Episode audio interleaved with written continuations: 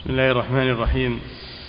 الحمد لله رب العالمين والصلاة والسلام على نبينا محمد وعلى آله وأصحابه أجمعين. أما بعد قال المؤلف رحمه الله تعالى وما أكثر من يعتقد أنه هو المظلوم المحق من كل وجه ولا يكون الأمر كذلك بل يكون معه نوع من الحق ونوع من الباطل والظلم ومع خصمه نوع من الحق والعدل وحبك الشيء يعمي ويصم. بسم الله الرحمن الرحيم. الحمد لله الصلاة والسلام على رسول الله وعلى آله وأصحابه أجمعين. إذا كان بين اثنين خصومة أو اختلاف في أمر من الأمور فقليل من ينصف من نفسه ويعترف بخطئه بل يرى أنه هو المحق وأن خصمه هو الظالم. إلا من رحم الله عز وجل. ولهذا قال صلى الله عليه وسلم لا يعطى الناس بدعواهم لادعى قوم دماء قوم وأموالهم. ولكن البينة على المدعي واليمين على من أنكر. فلا بد من هذا النظام والحكم الشرعي بين المختلفين. والله جل وعلا يقول فإن تنازعتم في شيء فردوه إلى الله والرسول إن كنتم تؤمنون بالله واليوم الآخر. ذلك خير وأحسن تأويلا. الحمد لله. الوحي المنزل يفصل بين الناس فيما اختلفوا فيه. الله جل وعلا أنزل الكتاب وأنزل السنة والعلماء استنبطوا من الكتاب والسنة الفقه الذي يرجع إليه الناس عند اختلافهم على أيدي العلماء. فيزول النزاع بإذن الله. وهذا من رحمة الله بعباده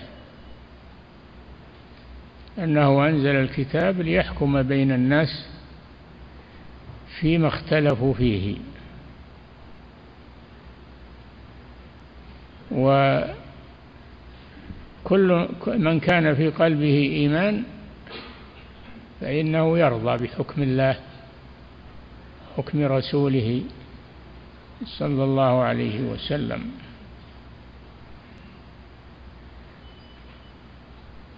ف ولهذا قال جل وعلا وما اختلفتم فيه من شيء فحكمه إلى الله. اختلفتم فيه من شيء فحكمه إلى الله. ذلكم الله ربي. عليه توكلت وإليه أنيب. وأنزل الكتاب ليحكم بين الناس فيما اختلفوا فيه. أمر العقيدة في أمر العبادة في أمر الخصومات بين الناس. الله جل وعلا أنزل الكتاب والميزان ليقوم الناس بالقسط. ثم قال وأنزلنا الحديد فيه بأس شديد ومنافع للناس. الحديد لمن عصى وخالف حكم الله. فليس له إلا الحديد. وأما من قنع بحكم الله وسلم له فهذا يستريح. قال الله جل وعلا فلا وربك لا يؤمنون حتى يحكموك فيما شجر بينهم. شجر بينهم يعني اختلفوا فيه. حتى يحكموك فيما شجر بينهم. ثم لا يجدوا في أنفسهم حرجا مما قضيت. بل يقتنع المسلم يقتنع. ولا يكون في نفسه تردد أو اعتقاد أنه مظلوم. يسلم ويسلم تسليما يحكموك فيما شجر بينهم هذه واحدة. ثم لا يجدوا في أنفسهم حرجا مما قضيت. ثالثة ويسلم تسليما. سلموا لأمر الله ورسوله حكم الله ورسوله. تسليما تأكيد. فهذا شأن المؤمنين عند الاختلاف. نعم. والإنسان مجبول على حب نفسه فهو لا يرى إلا محاسنها ومبغض لخصمه فهو لا يرى إلا مساوئه. إي نعم إذا قل الإيمان فإنه يزكي نفسه. يعتقد أنه لا يخطي وأن الحق معه وحده. إذا ضعف إيمانه. وأن خصمه هو المخطي وهو المعتدي. إلا إذا رزق الإيمان فإنه يرضى بحكم الله ورسوله ويسلم سلم تسليما استسلم يعني. هذا شأن المؤمنين عند الاختلاف. وإلا فالاختلاف يحصل ما في شك. ولكن من رحمة الله أنه أرسل هذا الرسول صلى الله عليه وسلم وأنزل عليه الكتاب ليحكم بين الناس وحكم الرسول موجود. كثير من القضايا مروي عنه صلى الله عليه وسلم. والذي لم يحكم به الرسول في حياته يحكم به الكتاب والسنة على أيدي العلماء. الحمد لله الطريق واضح. وما تزال الأمة بخير ولله الحمد. في رجوعها إلى شرع الله حكم الله لا تزال بخير. فالمؤمن يرضى بحكم الله وحكم رسوله صلى الله عليه وسلم. وأما حكم الجاهلية فلا يقتنع به الإنسان. أفحكم الجاهلية يبغون؟ ومن أحسن من الله حكما لقوم يوقنون. وكل ما خالف حكم الله وحكم رسوله فهو حكم الجاهلية. القوانين الوضعية حكم الجاهلية. الجاهلية ليست مقصورة على ما قبل الإسلام بل تستمر. فيه ناس ما ما يخرجون من الجاهلية. فيه ناس يخرجون منها بعض الشيء فيه ناس يخرجون منها نهائيا. وإلا فهي موجودة. نعم. والإنسان مجبول على حب نفسه فهو لا يرى إلا محاسنها ومبغض لخصمه فهو لا يرى إلا مساوئه بل قد يشتد به حبه لنفسه. حتى يرى مساوئها محاسن كما قال تعالى أفمن زين له سوء عمله فرآه حسنا؟ زين له سوء عمله سوء عمله عمله سيء وهو يراه أنه مزين وأنه زين لأن الشيطان زين له سوء عمله. وهذا لا ينصف من نفسه. الله جل وعلا يقول فلا تزكوا أنفسكم هو أعلم بمن اتقى. لا تزكي نفسك لا تبرئ نفسك. يوسف عليه السلام قال وما أبرئ نفسي؟ أو امرأة العزيز هي التي قالت وما أبرئ نفسي؟ إن النفس لأمارة بالسوء. إلا ما رحم ربي. الإنسان لا يبرئ نفسه ولا يزكيها بمعنى أنه لا يصوبها ويعتقد أنها هي التي أصابت وأن خصمه مبطل ومخطي لا ينصف من نفسه ينصف من نفسه. قال جل وعلا فلا تزكوا أنفسكم هو أعلم بمن اتقى. نعم. ويشتد به بغض خصمه حتى يرى محاسنه مساوئ. كما قال نظروا بعين عداوة ولو أنها عين الرضا لاستحسنوا ما استقبحوا. هذا الواجب على المسلم أن ينظر بعين الرضا. والإنصاف مع نفسه قبل غيره. ولا يزكي نفسه دائما. نعم. وهذا الجهل مقرون بالهوى والظلم غالبا فإن الإنسان ظلوم جهول. الإنسان ظلوم جهول. حملها الإنسان عن الأمانة. إنه كان ظلوما جهولا. وصفان له الجهل والظلم. إلا من رحم الله سبحانه وتعالى ومن عليه بالإيمان والإنصاف. فهذا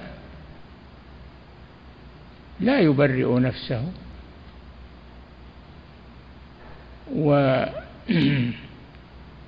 ويحمل الخطأ على الآخرين كله لا يبرئ نفسه. إنسان بشر يخطئ ويصيب. نعم. وأكثر ديانات الخلق. قليل من الناس من ينصف من نفسه. قليل من الناس من ينصف من نفسه. بل يعتبر نفسه هي التي أصابت وهي التي معها الحق وهي التي لا تخطئ وهي نعم. وأكثر ديانات الخلق إنما هي عادات أخذوها عن آبائهم وأسلافهم وقلدوهم فيها في الإثبات والنفي والحب والبغض والموالاة والمعاداة. وهذا دين الجاهلية الذي يمشون على العادات والسلوم تقاليد ويتركون الكتاب والسنة والحكم بالشرع يأخذون بالسلوم اسلوم القبائل ويأخذون به أو القوانين الوضعية طاغوتية يعتبرونها هي التي تنصفهم يقتنعون بها ويسلمون لها ولا يسلمون لشرع الله تعالى تعالى الله عن ذلك. يعني شوف الإنسان وين يصل. بالضلال وفي إلا من من الله عليه بالإيمان وأنصف بالنفس وأبصر. وإلا فالإنسان كما قال الله جل وعلا إنه كان ظلوما جهولا. ظلوما هذه صيغة مبالغة كثير الظلم. جهولا ليس المراد الجهل بعدم العلم لا المراد هنا بالجهل عدم الحلم. المراد بالجهل هنا عدم الحلم. وليس المراد عدم العلم. ظلوما جهولا. نعم. والله سبحانه وتعالى إنما ضمن نصر دينه وحزبه وأوليائه بدينه علما وعملا. لم يضمن نصر الباطل ولو اعتقد صاحبه أنه محق. الله سبحانه وتعالى ضمن الإصابة والإنصاف والحق لمن لمن حكم بالكتاب والسنة لأنها تنزيل من حكيم حميد. لا يأتيه الباطل من بين يديه ولا من خلفه. تنزيل من حكيم حميد. هذا من رحمة الله بعباده أنه أنزل عليهم هذا الكتاب هو القرآن وأنزل عليهم السنة وهي سنة الرسول صلى الله عليه وسلم تفسر القرآن وتوضحه وتدل عليه. وهي وحي السنة وحي كما أن القرآن وحي. قال تعالى وما في وصف نبي صلى الله عليه وسلم وما ينطق عن الهوى. إن هو إلا وحي يوحى. قال جل وعلا وما أتاكم الرسول فخذوه وما نهاكم عنه فانتهوا واتقوا الله إن الله شديد العقاب. الرسول معصوم عليه الصلاة والسلام عصمه الله. فيجب الثقة بحكم الله وحكم رسوله صلى الله عليه وسلم. حكم يجب الثقة بالكتاب والسنة. نعم. والله سبحانه وتعالى إنما ضمن نصر دينه وحزبه وأوليائه القائمين بدينه علما وعملا لم يضمن نصر الباطل ولو اعتقد صاحبه أنه محق. نعم إنما الله الله ضمن نصر الحق من الكتاب والسنة. فالذي يأخذ بهما منصور. ينصره الله عز وجل والذي يتركهما مخذول. أفحكم الجاهلية يبغون؟ ومن أحسن من الله حكما لقوم يوقنون؟ نعم. لم يضمن نصر الباطل ولو اعتقد صاحبه أنه محق. ليس العبرة باقتناع الشخص العبرة بموافقة الكتاب والسنة. هذه العبرة. أما اقتناع الشخص فيقتنع أكثر الناس يقتنع بالباطل ويرى أنه حق. نعم. وكذلك العزة والعلو إنما هما لأهل الإيمان الذي بعث الله به رسله وأنزل به كتبه وهو علم وعمل وحال.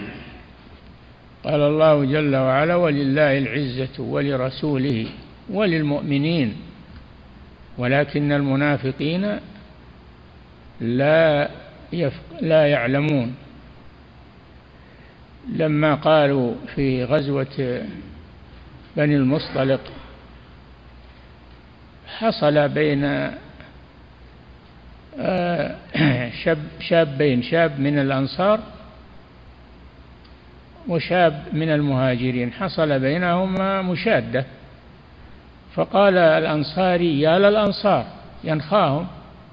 وقال المهاجري يا للمهاجرين ينخاهم.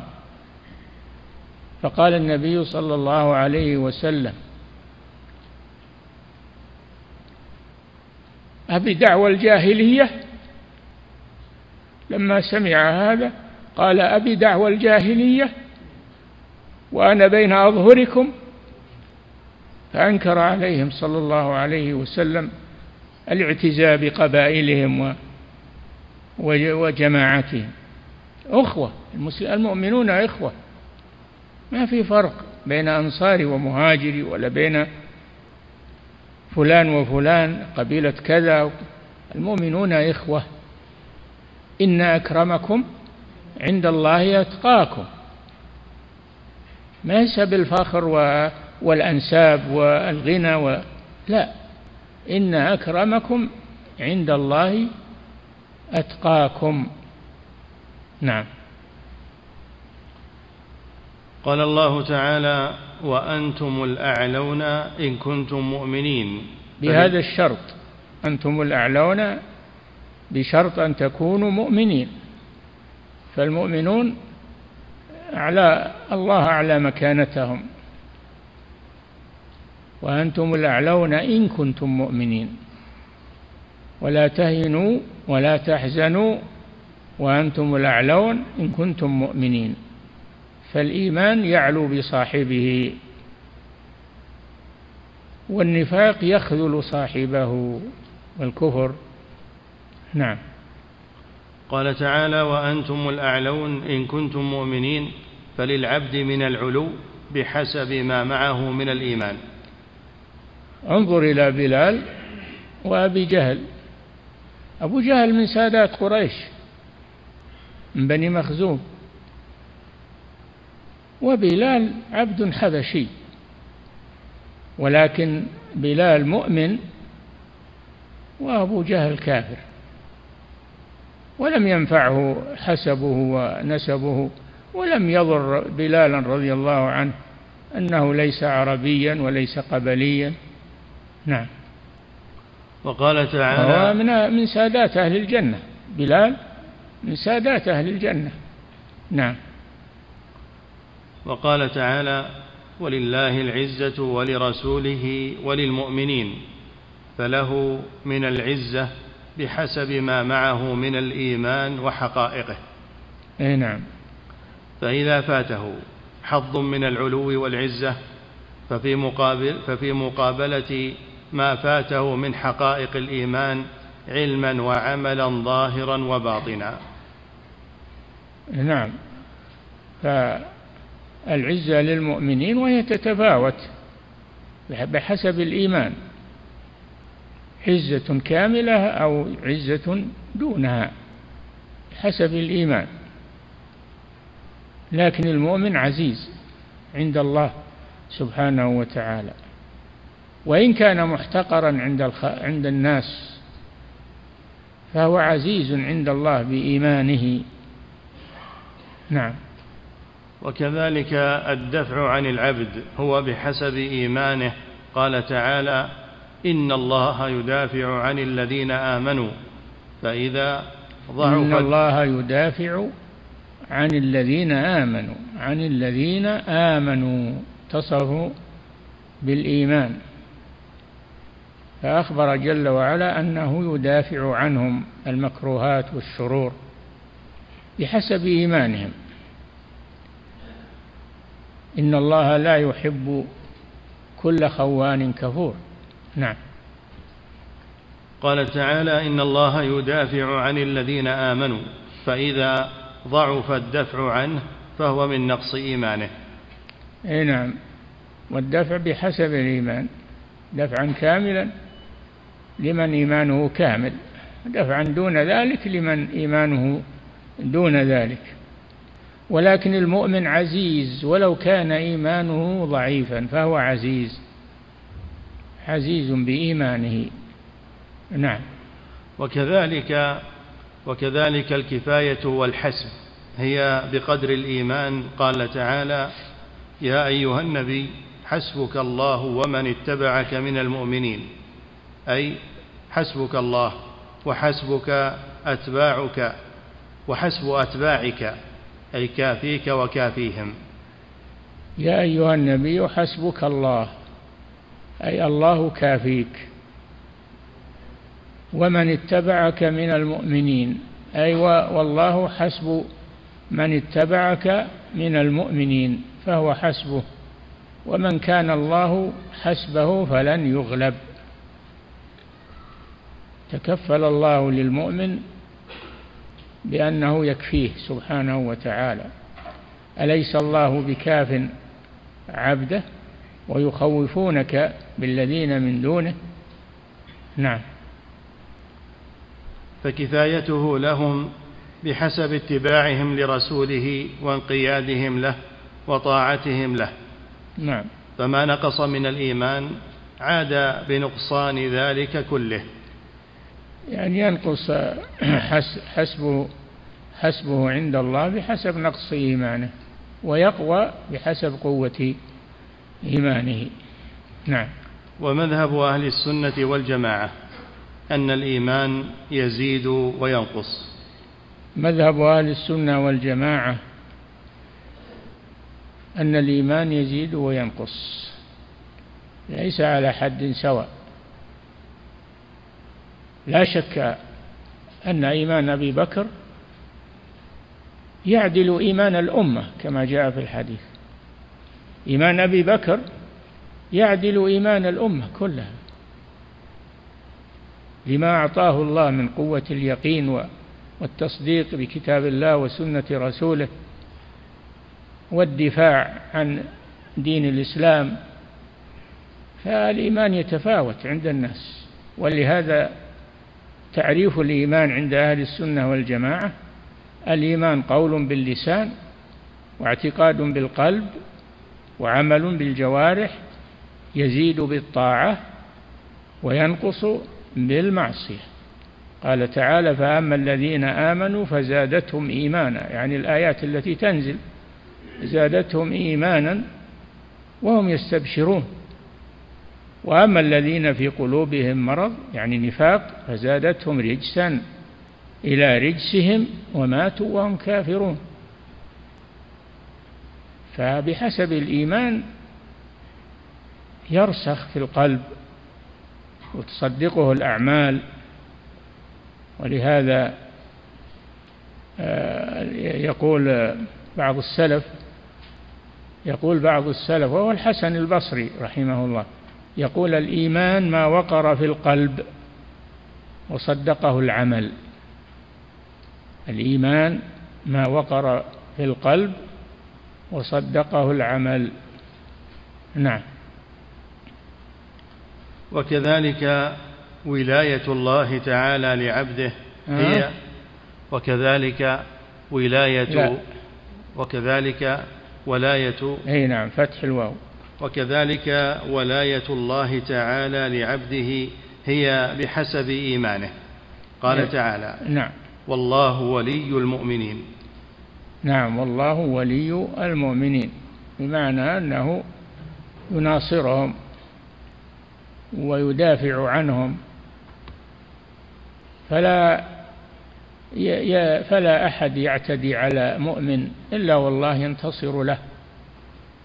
عاجلا واجلا نعم. وكذلك ولاية الله تعالى لعبده هي بحسب إيمانه. قال تعالى والله ولي المؤمنين وقال تعالى الله ولي الذين آمنوا الله ولي الذين آمنوا يخرجهم من الظلمات إلى النور. نعم. وكذلك معيته الخاصة هي لأهل الإيمان. كما قال تعالى وأن الله مع المؤمنين. المعية نوعان. المعية معية الله لخلقه نوعان. معية عامة معناها الإحاطة والعلم. وهذه لكل مخلوق للمؤمنين والكفار. الله محيط بهم ويعلم أعمالهم. ولا يخفون عليه في أي مكان كانوا. ولا يخفى عليه ما في قلوبهم. يعلم ما في الصدور. يعلم ما في الصدور سبحانه وتعالى. فهذه معية عامة. وأما المعية الخاصة فهي للمؤمنين.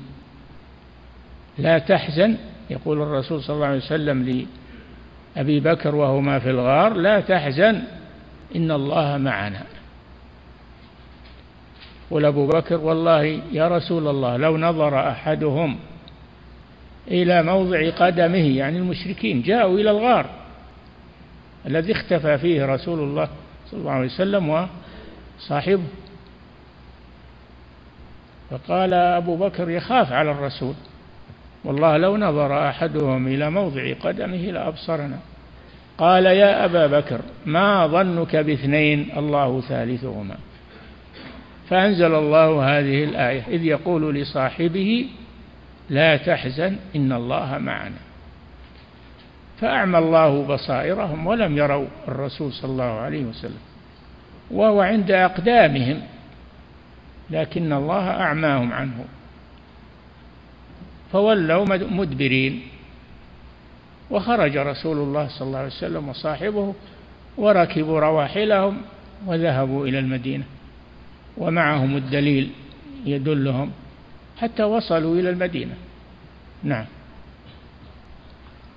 وكذلك ما ظنك باثنين الله ثالثهما؟ فأنزل سجل الله هذا في القرآن. إذ يقول لصاحبه لا تحزن إن الله معنا. نعم.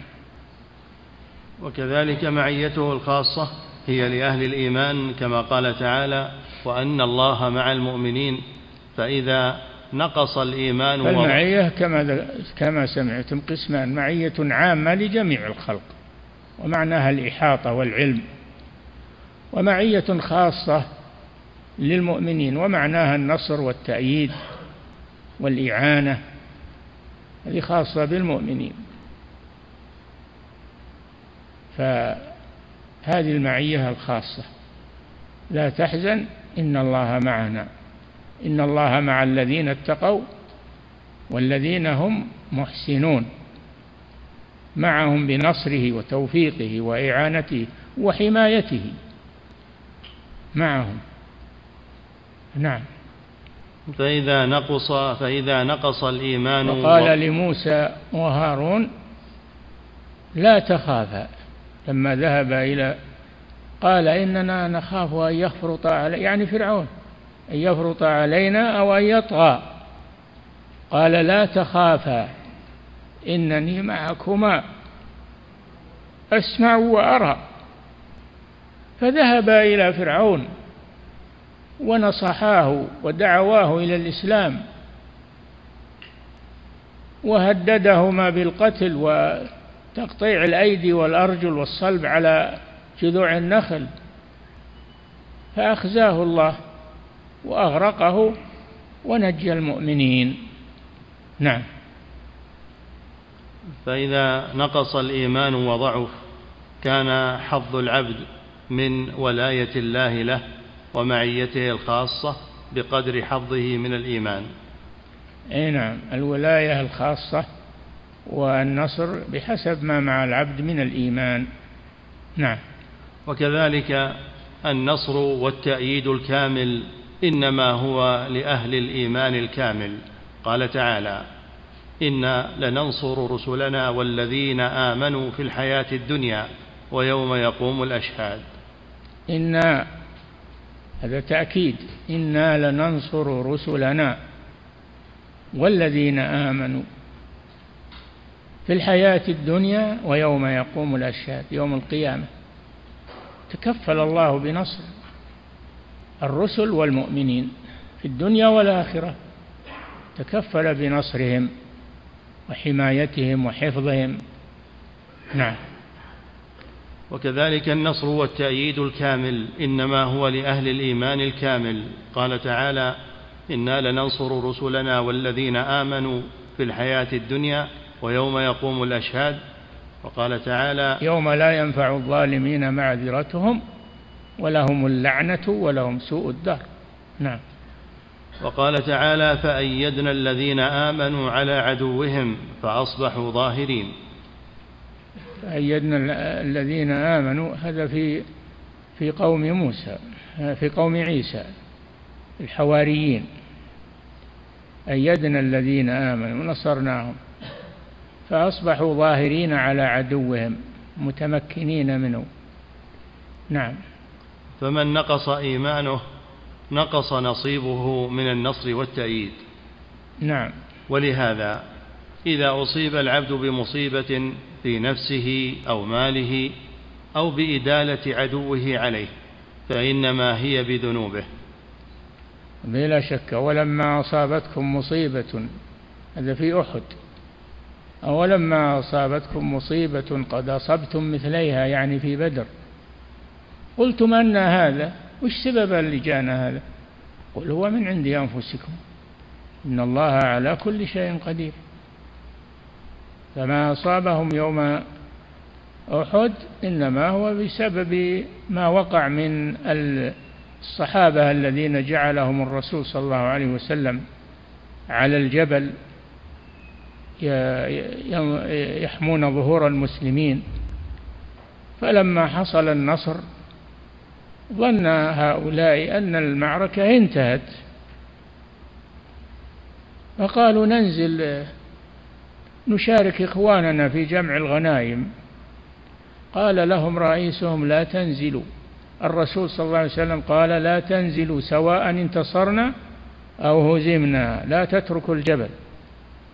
فعصوا قائدهم ونزلوا. فدار خالد بن الوليد وكان حين ذاك على الشرك. دار على الجبل ورآه قد فرق فانقض على المسلمين من خلفهم. فوقع المسلمون في وسط الكفار من أمام ومن خلف. بسبب هذه المخالفة التي خالفوا الرسول صلى الله عليه وسلم فيها. فدارت المعركة من جديد وأصيب المسلمون. قد أصبتم مثلها قلتم أن هذا قل هو من عند أنفسكم. إن الله على كل شيء قدير. وما أصابكم يوم التقى الجمعان فبإذن الله بإذن الله بقدره وقضائه إذنه الكوني نعم. ولهذا إذا أصيب العبد بمصيبة في نفسه أو ماله وهم صحابة رسول الله أفضل الخلق. لما حصل منهم ما حصل من المخالفة حصلت عليهم هذه النكبة. نعم.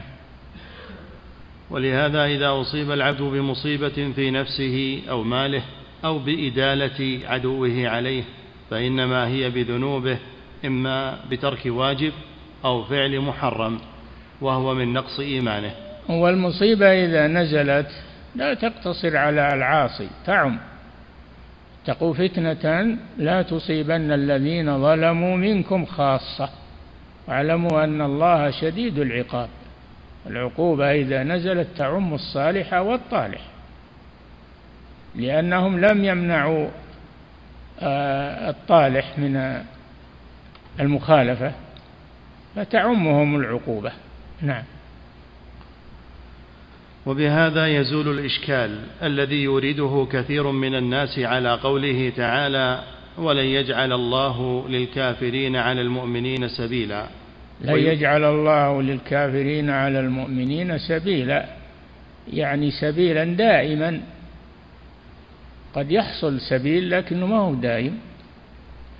أو لا لن يجعل الله للمؤمنين الكافرين على المؤمنين سبيلا يعني ولاية لا يتولون عليهم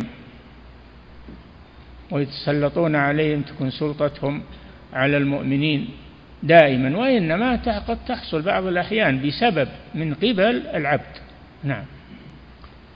وبهذا يزول الإشكال الذي يورده كثير من الناس على قوله تعالى ولن يجعل الله للكافرين على المؤمنين سبيلا ويجيب عنه كثير منهم بأنه لن يجعل لهم عليهم سبيلا في الآخرة ويجيب آخرون بأنه لن يجعل لهم عليهم سبيلا في الحجة والتحقيق. أنها مثل هذه الآيات وأن انتفاء السبيل عن أهل الإيمان الكامل فإذا ضعف الإيمان صار لعدوهم عليهم من السبيل بحسب ما نقص من إيمانهم. الله جل وعلا قال ولن يجعل الله للكافرين على المؤمنين. على المؤمنين يعني كامل الإيمان. وإذا نقص الإيمان حصل شيء من من الكفار تسلط الكفار على المسلمين بسبب ذنوبهم. أما لو أنهم كمل إيمانهم ما استطاع الكفار. ما أصاب المسلمين على أيدي الكفار إنما هو بذنوب المسلمين. ونقص إيمانهم. نعم. والتحقيق أنها مثل هذه الآيات وأن انتفاء السبيل عن أهل الإيمان الكامل. فإذا ضعف الإيمان صار لعدوهم عليهم من السبيل بحسب ما نقص من إيمانهم فهم جعلوا لهم عليهم السبيل بما تركوه من طاعة الله تعالى. يعني ما ما هو الله اللي جعل السبيل آه، للكفار على هم الذين جعلوا السبيل على أنفسهم بمخالفتهم لأوامر الله وأوامر رسوله هم الذين جعلوا للكفار سبيلا عليهم. نعم. فالمؤمن عزيز عال مؤيد منصور مكفي مدفوع عنه بالذات أين كان ولو اجتمع عليه من بأقطارها إذا قام بحقيقة الإيمان. بهذا الشرط إذا. إذا قام بحقيقة الإيمان وواجباته ظاهرا وباطنا.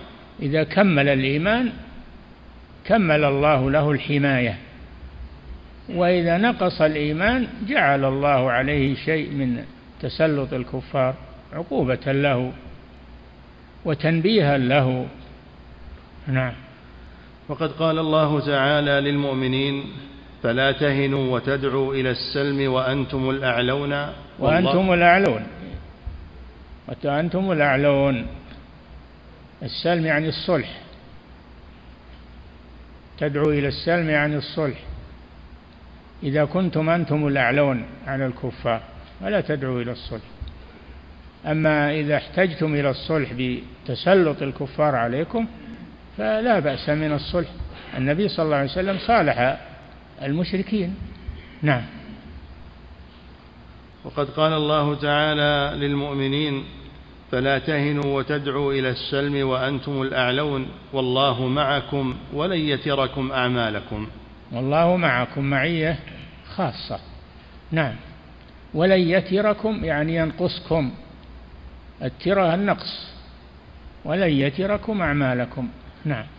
وقال تعالى ولا تهنوا ولا تحزنوا وأنتم الأعلون إن كنتم مؤمنين. بهذا الشرط إن كنتم مؤمنين فأنتم الأعلون. نعم. فهذا الضمان إنما هو بإيمانهم وأعمالهم التي هي جند من جنود الله يحفظهم بها ولا يفردها عنهم ويقتطعها عنهم فيبطلها عليهم كما يتر الكافرين والمنافقين أعمالهم إذ كانت لغيره ولم تكن موافقة لأمره. نعم فأعمال الكفار باطلة.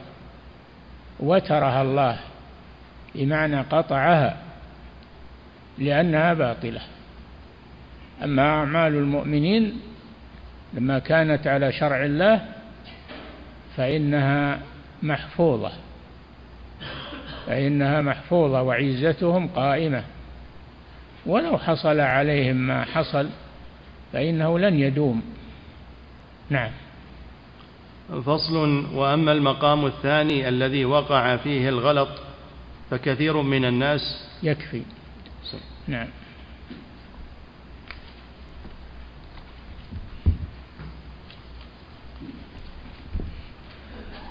فضيلة الشيخ وفقكم الله. هذا سائل يقول في قول المؤلف رحمه الله وكذلك النصر والتأييد الكامل إنما هو لأهل الإيمان الكامل. نعم. كيف يستطيع المسلم أن يحقق هذا الإيمان الكامل ليتحصل على نصر الله الكامل؟ يستطيع بأن يكمل أعماله ويتوب من ذنوبه ويمحص نفسه من الذنوب والمعاصي ويجد ما وعد الله به سبحانه وتعالى. نعم. فضيلة الشيخ وفقكم الله هذا سائل يقول في هذا الزمن كثرت الفتن فما التوجيه في ذلك؟ وكيف يكون المسلم يعرف الحق؟ في هذا الوقت. النبي صلى الله عليه وسلم قال بادروا بالأعمال فتنا كقطع الليل المظلم. يصبح الرجل مؤمنا ويمسي كافرا ويمسي مؤمنا ويصبح كافرا يبيع دينه بعرض من الدنيا. يبيع دينه بعرض من الدنيا.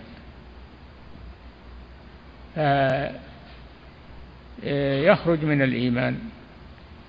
إذا باع دينه خرج من الإيمان بسبب الفتن. فتن كقطع الليل المظلم. بسبب الفتن. كيف يخرج المؤمن من الفتن؟ سئل النبي صلى الله عليه وسلم قال له ما المخرج منها يا رسول الله؟ قال كتاب الله. فيه نبأ ما قبلكم وخبر ما بعدكم وحكم ما بينكم من تركه من جبار قسمه الله ومن ابتغى الهدى من غيره أضله الله هو الفصل ليس بالهزل إلى آخر الحديث فالمخرج من الفتن بالاعتصام بكتاب الله وسنة رسوله صلى الله عليه وسلم نعم. فضيلة الشيخ وفقكم الله وهذا سائل آخر حفظكم الله يقول كثرت المنكرات في هذا الزمن وقل من ينكر فما الواجب على المسلمين حيال ذلك؟ الواجب الإنكار بحسب الاستطاعة كما قال صلى الله عليه وسلم من رأى منكم منكرا فليغيره بيده فإن لم يستطع فبلسانه فمن لم يستطع فبقلبه وذلك أضعف الإيمان. حسب الاستطاعة لا يقر المنكر أبدا ينكر المنكر حسب استطاعته إما باليد وإما باللسان وإما بالقلب آخر الدرجات. ولا يرضى بالمنكر أو يستسلم للمنكر لا ينكر المنكر ولو بقلبه. وإذا أنكره بقلبه ابتعد عن أصحابه وابتعد عن مكانه. هنا. فضيلة الشيخ وفقكم الله هذا سائل يقول في قول المؤلف رحمه الله وإذا أصيب العبد بمصيبة في نفسه أو ماله أو بإدالة عدوه عليه فإنما هي بذنوبه. ألا يمكن أن يكون ذلك من الله ابتلاء وكرامة كما قال النبي صلى الله عليه وسلم أشد الناس بلاء الأنبياء ثم الأمثل فالأمثل. ما يبتلى المؤمن إلا بذنوبه إلا بذنوبه. فإذا سلم من الذنوب سلم من الابتلاء. نعم. فضيلة الشيخ وفقكم الله هذا سائل يقول يحصل عندنا بعض المشاكل فينزل المتخاصمون على حكم شيوخ القبائل وهم يحكمون بغير حكم الله فما صحة حكمهم وهل يجوز التحاكم إلى ذلك؟ هذا باطل وهذا حكم الجاهلية حكم الطاغوت. فلا يجوز التحاكم إلى غير الشرع المطهر. نعم. فضيلة الشيخ وفقكم الله هذا سائل يقول هل مفهوم العبادة هي أو هو أن يجمع العبد بين غاية الذل مع غاية الخضوع؟ هل هذا الكلام صحيح؟ لا ما هو كذا. العبادة كما قال ابن القيم رحمه الله وغيره العبادة غاية الذل مع غاية الحب مع غاية الحب لله عز وجل. الذل لله والخضوع لله مع الحب لله عز وجل. ولهذا يقول ابن القيم في النونية وعبادة الرحمن غاية حبه مع ذل عابده هما قطبان وعليهما فلك العبادة دائر. ما دار حتى قامت القطبان ومداره بالأمر أمر رسوله لا بالهوى والنفس والشيطان. نعم. فضيلة الشيخ وفقكم الله هذا سائل يقول إذا طلبت من شخص يعمل في بنك بأن يأتي لي بريالات فكة أه؟ إذا طلبت من شخص يعمل في بنك بأن يأتي لي بريالات فكة يقول مئة ريال متفرقة. وإذا أتى بها وسلمني إياها أعطيه هذه المئة الكاملة بعد يوم أو يومين. هل يجوز هذا التأخير أم لا بد من التقابض في الوقت نفسه؟ هذا قرض هذا معناه قرض جابوا لك قرض قرض حسن فتسدده له إذا تمكنت من ذلك. نعم. فضيلة الشيخ وفقكم الله هذا سائل يقول إذا كنت في مخيم في أطراف الرياض فهل يجب علي أن أذهب لأداء صلاة الجمعة مع العلم أن الجامع يبعد عن المخيم أكثر من عشرين كيلا؟ إذا كنت تسمع أذان بدون مكبر صوت تسمع الأذان المجرد بدون مكبر يجب عليك الحضور. يا أيها الذين آمنوا إذا نودي للصلاة من يوم الجمعة فاسعوا إلى ذكر الله وذروا البيع. أما إذا كنت على ما ذكرت عشرين كيلو لا ما يلزمك. نعم. فضيلة الشيخ وفقكم الله هذا سائل يقول الندم. هل هو كاف وحده في التوبة؟ نعم. الندم على التوبة لها ثلاثة شروط. ثلاثة شروط. الإقلاع عن الذنب والعزم لا يعود إليه والندم على ما فات. ثلاثة شروط. نعم. فضيلة الشيخ وفقكم الله هذا سائل يقول هناك قائل بأن الكافر غير المحارب لا يبغض لشخصه إنما يبغض لكفره مستدلا بقوله عز وجل لا ينهاكم الله عن الذين لم يقاتلوكم في الدين ولم يخرجوكم من دياركم. هذا استدلال باطل نحن لا نحب الكفار ولو أحسنوا إلينا ما نحبهم ولكن نكافئهم إذا أحسنوا إلينا نكافئهم على إحسانهم. لا ينهاكم الله عن الذين لم يقاتلوكم في الدين ولم يخرجوكم من دياركم. أن تبروهم يعني تحسنوا أن تبروهم وتقسطوا إليهم تعدلوا معهم. إن الله يحب المقسطين.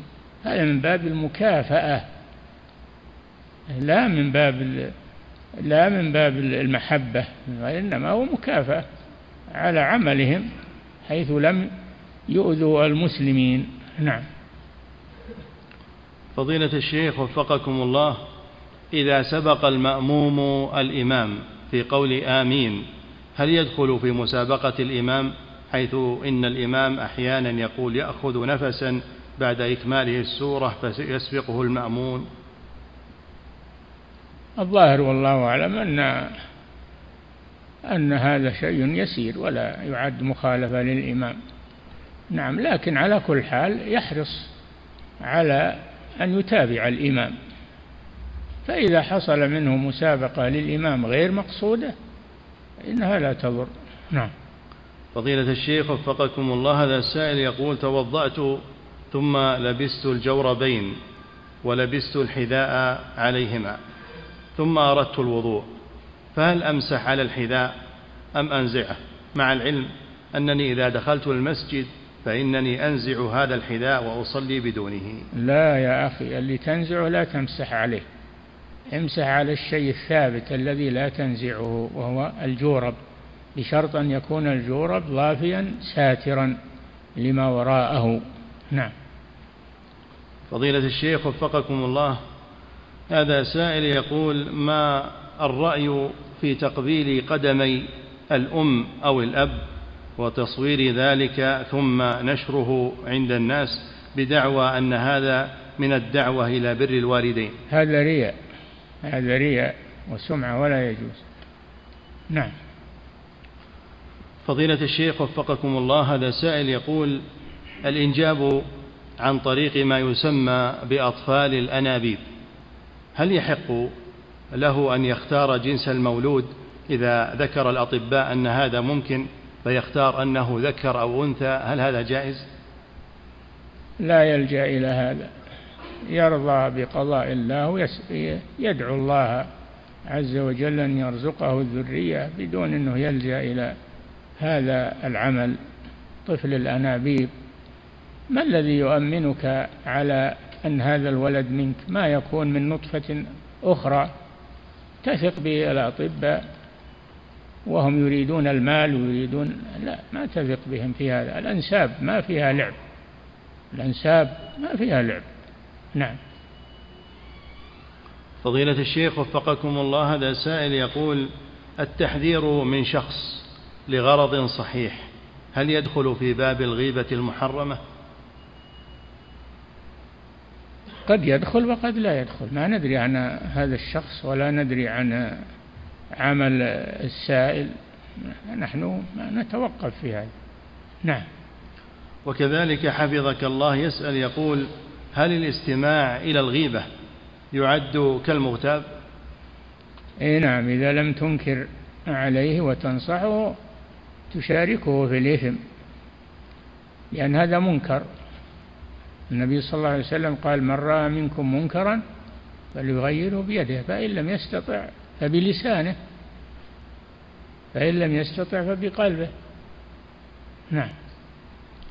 فضيلة الشيخ وفقكم الله هذا سائل يقول رجل نام عن صلاة الفجر ولم يستيقظ إلا في الساعة التاسعة صباحا هل يلزمه أن يؤذن ويقيم أو أنه يصلي الفرض مباشرة دون أذان أو إقامة؟ يكفي أذان البلد وإقامة البلد. يصلي يغتسل يتوضأ ويصلي. يقيم الصلاة نعم يقيم الصلاة. أما الأذان لا. يعني تذن بوسط البلد الضحى. يكون هذا مهبول هذا. نعم. فضيلة الشيخ وفقكم الله هذا سائل يقول اشتريت أرضا لغرض التجارة وكان نصف المبلغ من عندي والآخر. يقول اشتريت أرضا لغرض التجارة. وكان نصف المبلغ من عندي والمبلغ الآخر أو البقية النصف الآخر قد اقترضته. كيف أخرج الزكاة؟ هل أخرجها عن الأرض كلها؟ اي نعم. تريد بيعها إذا كنت تريد بيعها وتم عليها الحول ثمنها وزكيها أما إذا كنت تريدها للعقار أو للسكنى ليس فيها زكاة. نعم. فضيلة الشيخ وفقكم الله هذا سائل يقول من حفظ شيئا من القرآن ثم أنسيه فهل يأثم بذلك؟ لا يأثم بذلك ولكن هذه نعمة زالت عنه. هذه نعمة زالت عنه بسبب إهماله عليه أن يحرص على مراجعة القرآن وحفظ القرآن لتعود إليه هذه النعمة. نعم. فضيلة الشيخ وفقكم الله هذا سائل يقول حفظكم الله كثرة الاستغفار إذا كانت من غير حضور قلب هل يمنع منها الإنسان كمن يستغفر دائما وهو ليس بحاضر قلبه؟ وش يدريك عنه ما هو بحاضر قلبه. يستغفر هذا يحسن الظن به. الحمد لله. نعم. فضيلة الشيخ وفقكم الله هذا سائل من خارج هذه البلاد من أوروبا يقول هل عدم التعاون مع المراكز الإسلامية السلفية وعدم التعاون مع المساجد التي فيها أهل السنة هل يعتبر هذا ترك التعاون من ترك الجماعة؟ وماذا علينا أن نصنع؟ اي نعم فترك التعاون هذا من الكسل ومن آه، من الكسل ومن عدم الرغبة في الخير. تعاون مع أهل تعاونوا على البر والتقوى ولا تعاونوا على الإثم والعدوان. تعاون احرص على التعاون. ما دمت تقدر على ذلك تعاون مع أهل البر والتقوى والدعوة إلى الله. نعم. فضيلة الشيخ وفقكم الله هذا سائل يقول إذا دخل الرجل المسجد بعد أذان الظهر فهل يصلي الراتبة ويصلي تحية المسجد؟ أو أنها تكفي واحدة منهما. تكفي الراتبة عن تحية المسجد. صليها بنية أنها تحية المسجد وتكفي عن الراتبة. نعم.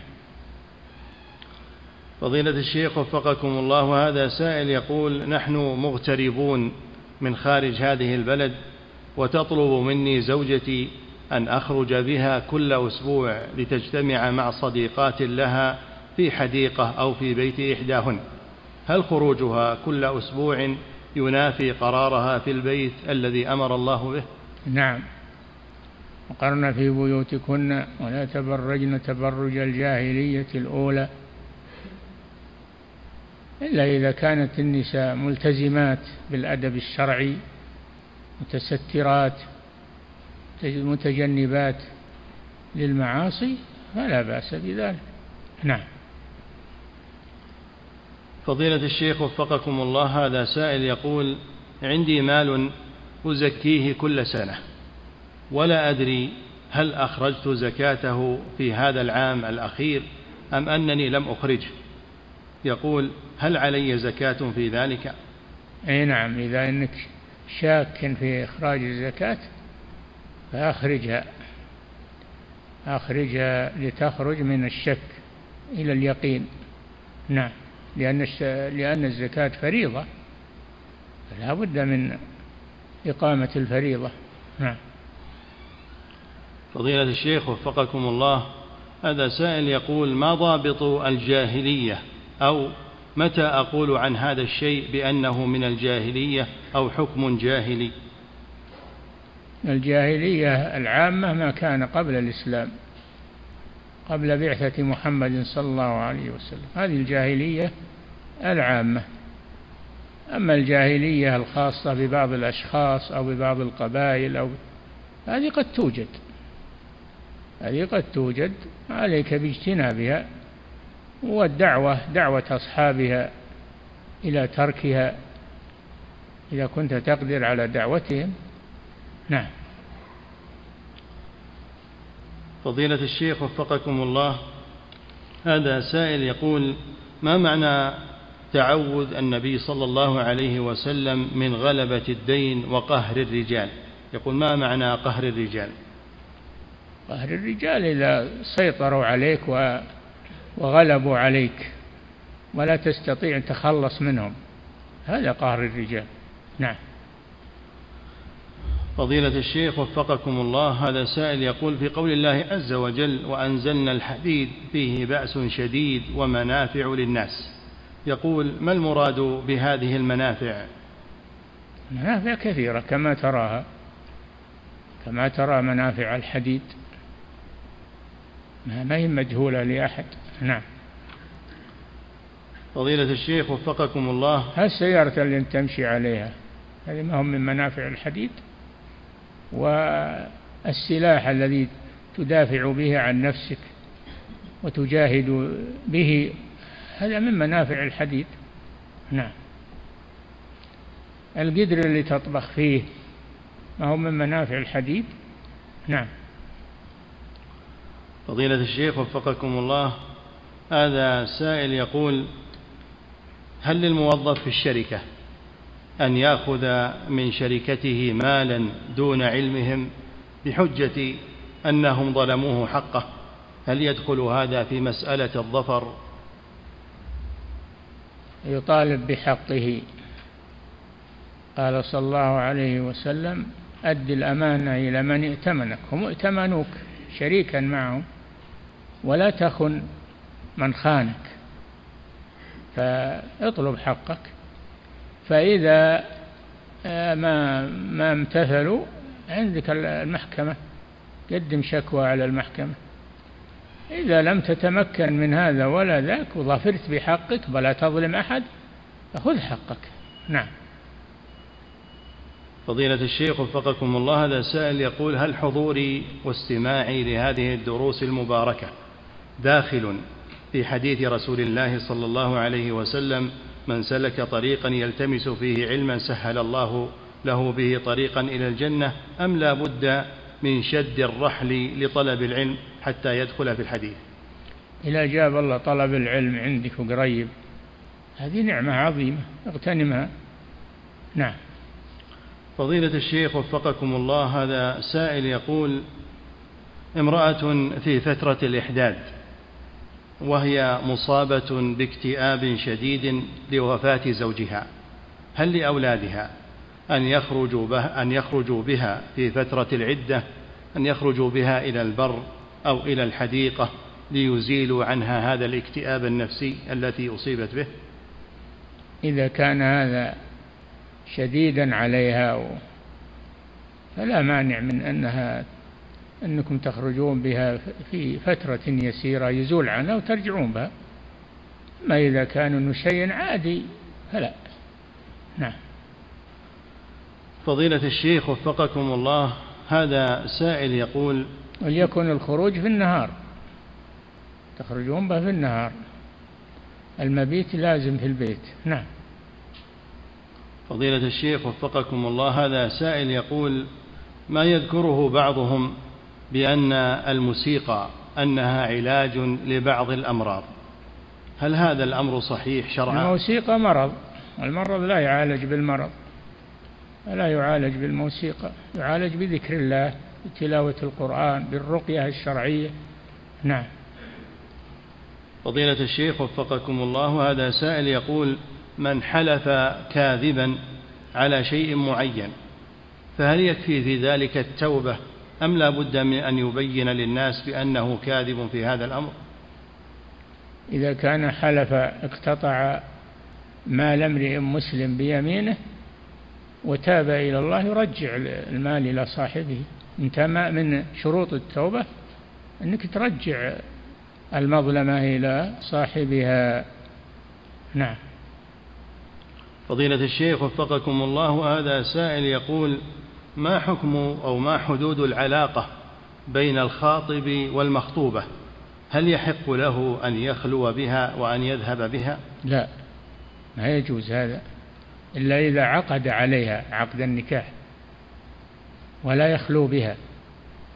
إنما إذا أراد أن ينظر إلى ما يدعوه إلى خطبتها فليكن ذلك بحضور وليها. بحضور وليها ولا يخلو بها. نعم. فضيلة الشيخ وفقكم الله هذا سائل يقول من يترك كثيرا من الأعمال الصالحة ثم يقول إنه يحسن الظن بالله عز وجل وأن الله سبحانه غفور رحيم. هل هذا الكلام صحيح؟ لا هذا غرور ما هو بصحيح. يعمل الأعمال الصالحة ويحسن الظن بالله. أن الله يتقبلها ويأجره عليها. يحسن الظن مع العمل ما هو يحسن الظن ويهمل. نعم. هذا غرور يحسن الظن بربه ويترك العمل. يقول الله يبي يغفر لي. نعم. فضيلة الشيخ وفقكم الله هذا سائل يقول من انتشر شره وعرف عنه ذلك من أذية للناس وغير ذلك؟ هل له غيبة؟ إي نعم له غيبة. ما أنت ملزوم أنك تذكره وتغتابه اتركه. نعم عافيك الله منه. نعم. فضيلة الشيخ وفقكم الله هذا سائل يقول ما حكم النظر المتكرر إلى المردان؟ وكيف يعالج المرء نفسه إذا ابتلي بذلك؟ قل للمؤمنين يغضوا من أبصارهم ويحفظوا فروجهم. يبتعد يبتعد عن المناظر الفاتنة من المردان وغيرهم ولا يخالطهم يبتعد عنهم ولا ينظر في الشبكات اللي فيها الفتنة وفيها الشر يبتعد عنها. نعم. فضيلة الشيخ وفقكم الله هذا سائل من خارج هذه البلاد يقول يسكن يسكن بعض المساكين قرب المسجد وهم يأخذون الماء من بئر المسجد لحوائجهم اليومية بإذن لجنة المسجد. لكن أحد الناس قال إن هذا غير جائز لأنها هذه البئر وقف على المسجد فقط. فهل هذا القول صحيح؟ لا ما هو صحيح. الماء في البئر مشترك. الماء في البئر مشترك الماء شركاء في ثلاثة في الماء والكلأ والنار. إنما الماء الذي محوز في إناء أو في قربة أو في خزان هذا هو الذي لا يؤخذ منه إلا بإذن صاحبه. أما الماء الذي في معدنه هذا مشترك بين الناس حتى الكفار لهم شركة فيه يعني يشربون منه. نعم. فضيلة الشيخ وفقكم الله هذا سائل يقول إذا كنت غير موجود في البيت وقت الأذان للصلاة إذا كنت غير موجود في البيت وقت الأذان للصلاة هل يجب على أولادي أن يذهبوا إلى المسجد مع كثرة السيارات في الشوارع وهم دون سن البلوغ وعليهم خطر في ذلك؟ وكل عليهم يا أخي وكل جارك وكل أحد. يروح يروحون معه. وكل عليهم. لابد يروحون للمسجد. إذا كنت تخاف عليهم وكل عليهم جارك. إمام المسجد المؤذن. تعاونون معك. نعم. فضيلة الشيخ وفقكم الله هذا سائل يقول من سافر وأقام أربعة أيام فأقل. هل يصلي الصلوات المفروضة كل صلاة في وقتها قصرا أو أنه يجمع الظهر مع العصر والمغرب مع العشاء؟ إذا كان نازلا في أثناء السفر فإنه يقصر ولا يجمع. النازل ما يجمع. النبي صلى الله عليه وسلم في في منى أيام الحج كان يقصر ولا يجمع لأنه نازل. الجمع إنما هو لمن جد به السير. لمن جد به السير. نعم. فضيلة الشيخ وفقكم الله هذا سائل يقول إذا عودت أطفالي على الذكر والاستغفار وفي مقابل ذلك أعطيهم هدايا هل يجوز أن أخبرهم بأن هذه الهدايا قد رزقهم الله إياها مقابل استغفارهم؟ يقول, يقول هذه يعني مساعدة لكم على الطاعة وعلى الاستغفار. هذه مساعدة مني لكم مني لكم تشجيع لهم. نعم. فضيلة الشيخ وفقكم الله هذا سائل يقول من اغتاب إنسانا فهل يجب عليه إذا تاب من هذه الغيبة أن يتحلل منه ويخبره بذلك؟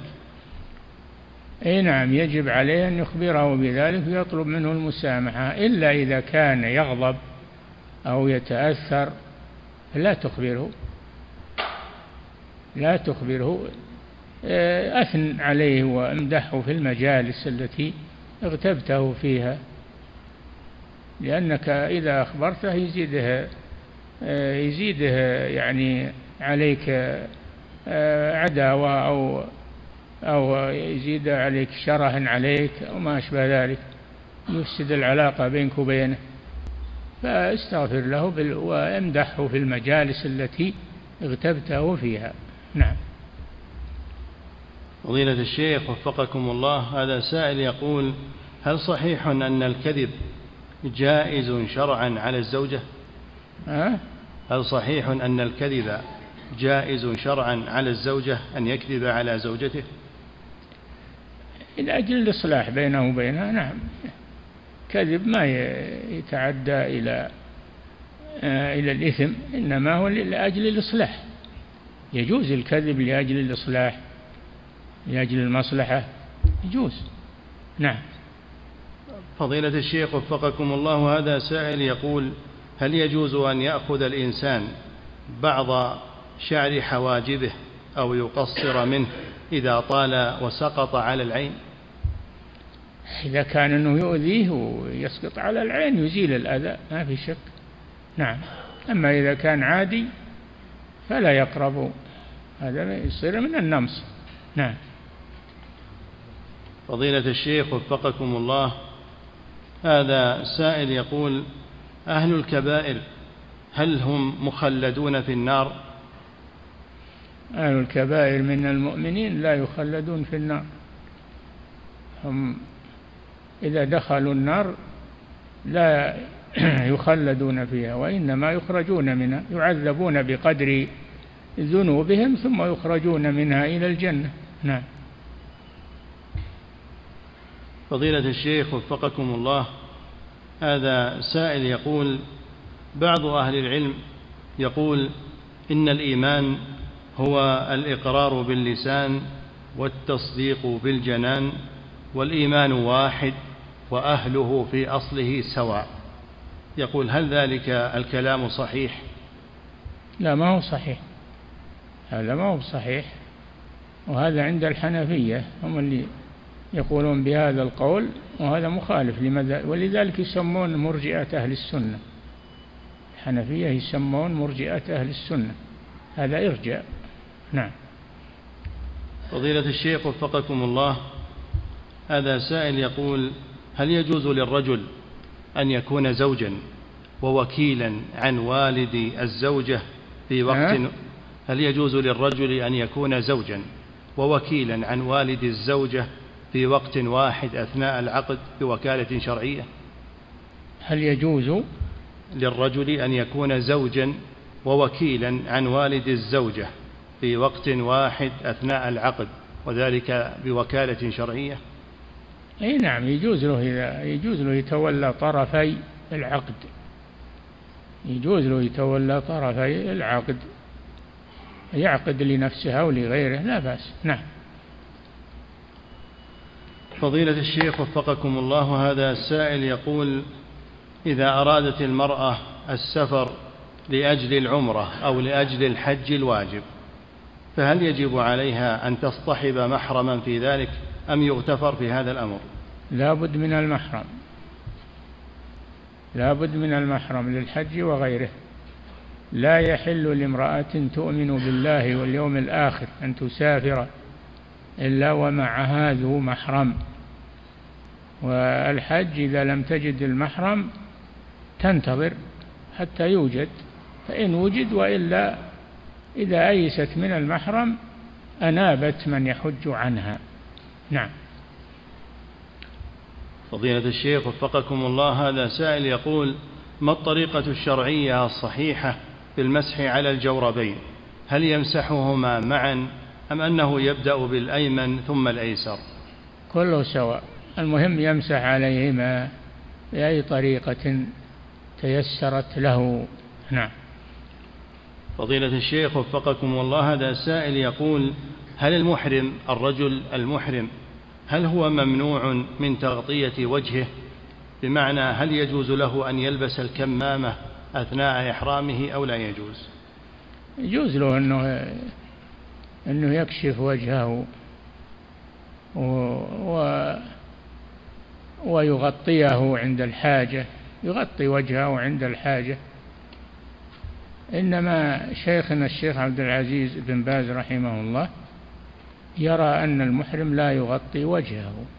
ويذكر حديثا عن الرسول صلى الله عليه وسلم في الذي وقصته راحلته وهو محرم ومات. قال النبي صلى الله عليه وسلم كفنوه في ثوبيه ولا تخمروا ولا تخمروا وجهه لا تخمروا وجهه. كفنوه في ثوبيه ولا تخمروا رأسه. كفنوه في ثوبيه ولا تخمروا رأسه يعني لا تغطون رأسه لأن المحرم يكشف رأسه. يقول فيه رواية في الحديث لا تخمروا رأسه ووجهه. فأخذ بها رحمه الله. نعم. فضيلة الشيخ وفقكم الله.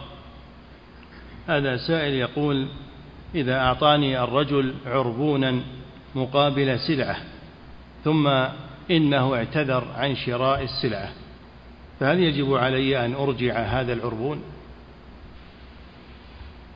العربون لك إذا كان إذا كان السلعة فيها خيار خيار شرط إذا كان فيها خيار شرط ثم هو تنازل عن البيعة وقد دفع لك العربون فالعربون لك لأنه في مقابل حبس السلعة في مقابل حبس السلعة عن الزباين.